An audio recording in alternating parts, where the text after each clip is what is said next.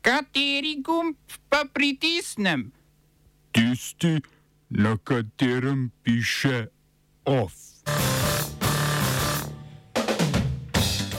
Posredovanje Evropske unije za določitev meje med Azerbajdžanom in Armenijo. Pomilostitev kazensko ovadenih uporabnikov marihuane v ZDA. Državni zbor sprejel novelo zakona o pomoči gospodarstvu, predstavniki podjetnikov še zmeraj nezadovoljni. V kulturnih novicah otvoritev festivala Mesto žensk.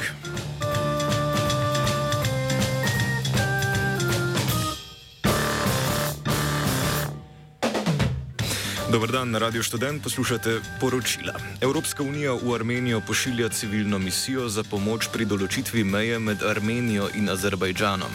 Po sestanku predsednikov Armenije, Azerbajdžana, Francije in predsednika sveta Evropske unije Šarla Mišela na prvem srečanju Evropske politične skupnosti v Pragi so vsi navzoči izrazili strinjanje s posredovanjem civilne misije Evropske unije. Azerbajdžanski predsednik Ilham Alijev in armenski predsednik Nikol Pašinjan sta potrdila zavezo k Alma-Atski deklaraciji iz leta 1991, ki zahteva priznanje suverenosti med državama. V spopadih med Azerbajdžanom in Armenijo, ki sta v konfliktu zaradi nadzora nad območjem Gorskega Karabaha, je samo v zadnjem mesecu umrlo več kot 200 ljudi.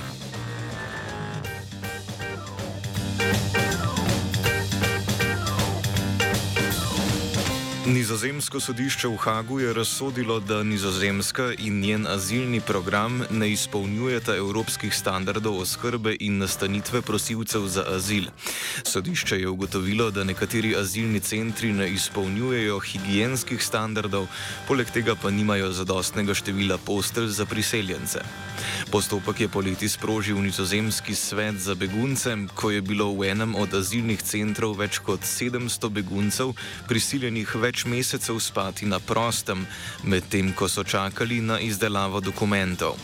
Slabe higijenske in sanitarne razmere pa so tudi v azilnem centru Terapel, v katerem je zaradi slabih razmer umrl trimesečni dojenček.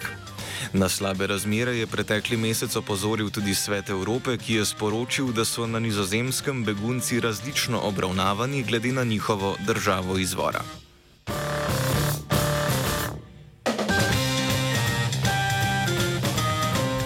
Banja Luki se je na ulice podalo okoli 3000 protestnikov, ki so zahtevali razveljavitev volitev.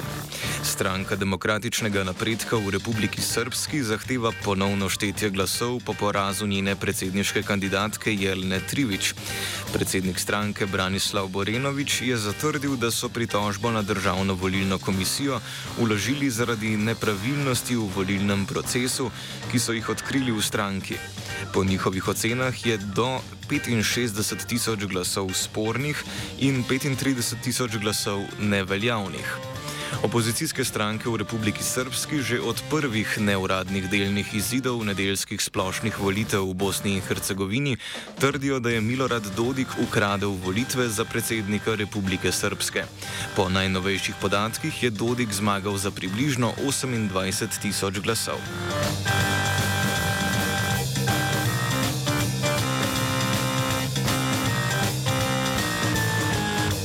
Mačarsko prestolnico Budimpešto so zajeli protesti, na katerih se je zbralo več kot 10 tisoč učencev, učiteljev in staršev. Zahtevali so više plače šolskih delavcev. Mačarski učitelji so ustanovili kampanjo Želim učiti, v okviru katere zahtevajo više plače, ukrepe za reševanje pomankanja učiteljev in pravico do stavke. Gre za največji protivladni protest od ponovne izvolitve premijeja Viktorja Orbana aprila. Podobni protesti so potekali že januarja, v odgovor pa je vlada uvedla omejitve stavk za šolske delavce.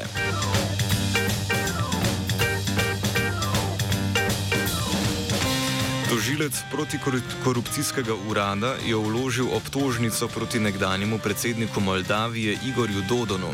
Moldavsko protikorupcijsko toživstvo je razkrilo, da je Dodom prejel med 600 tisoč in milijon evrov od ruskega oligarha in vodje kriminalne združbe Vladimirja Plahotnjuca.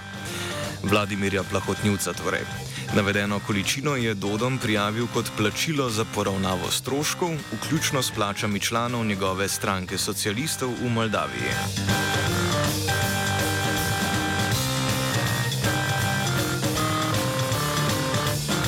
Združene države Amerike so uvedle sankcije proti Iranu zaradi nasilnega zatiranja množičnih protestov. Sankcije so usmerjene predvsem proti ministru za notranje zadeve Ahmanu Vahidiju, ministru za komunikacije Ejsu Zarepurju in vodi iranske kibernetske policije Vahidu Mohamedu. Sankcije zoper uradnike so posledica njihovega sodelovanja pri nasilju proti protestnikom in prekinitve dostopa do interneta. Množični protesti po smrti kurdinje Žine Amini, ki je umrla v policijskem priporu, potekajo že tri tedne.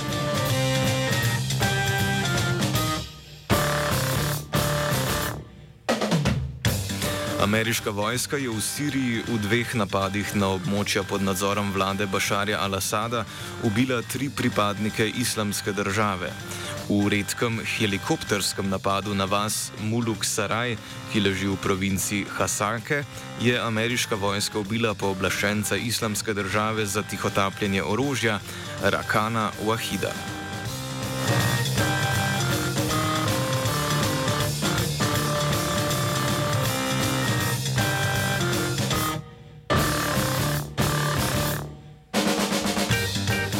Ameriški predsednik Joe Biden je pomilostil več tisoč državljanov, ki so prejeli ovadbe zaradi posedovanja marihuane.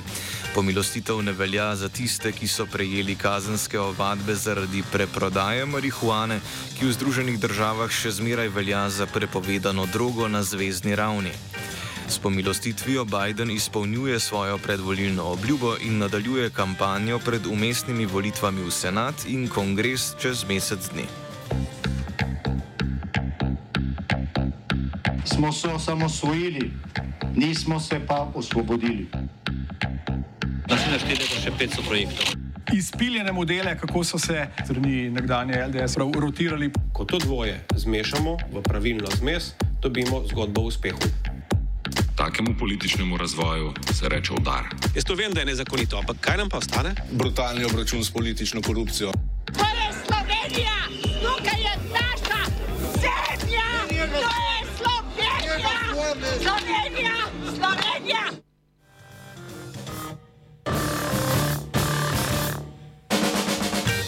Časopisna založniška hiša Primorske novice, ki je od lanskega maja del medijskega imperija Martina Odlaska, je po desetih letih uspela prodati palačo Tarzijo. Uredništvo časopisa pa se seli v najete prostore koperskega Cimosa. Palačo je kupila obaljna samoupravna skupnost italijanske narodnosti, ki je imela predtem pisarne na več lokacijah. Časopisna hiša naj si ne bi več mogla privoščiti vzdrževanja palače.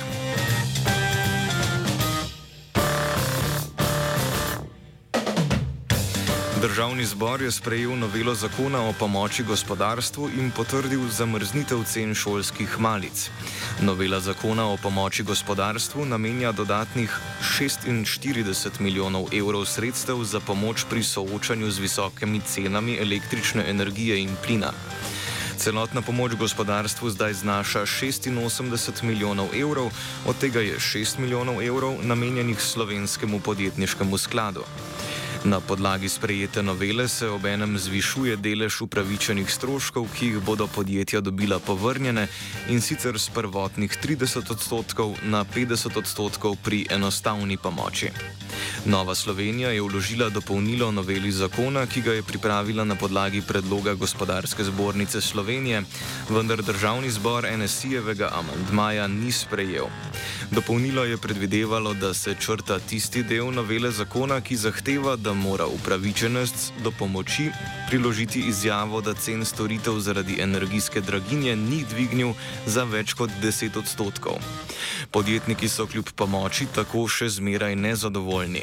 Kot so sporočili z odbrtno podjetniške zbornice Slovenije, mnogi obrtniki in podjetniki ne bodo niti zaprosili za pomoč, saj jim takšna izjava onemogoča dvig cen in storitev.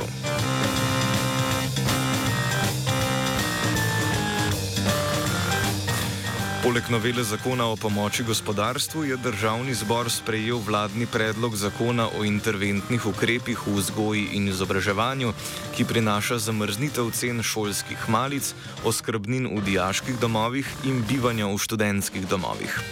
Zakon prav tako spada med ukrepe za blažitev draginje. Tako se cena šolske malice za učence in dijake v prihajajočem šolskem letu ne bo zvišala in bo ostala enaka kot v minulem šolskem letu. Office pisal Jan, pomagala je Tija, sledijo pa kulturne novice.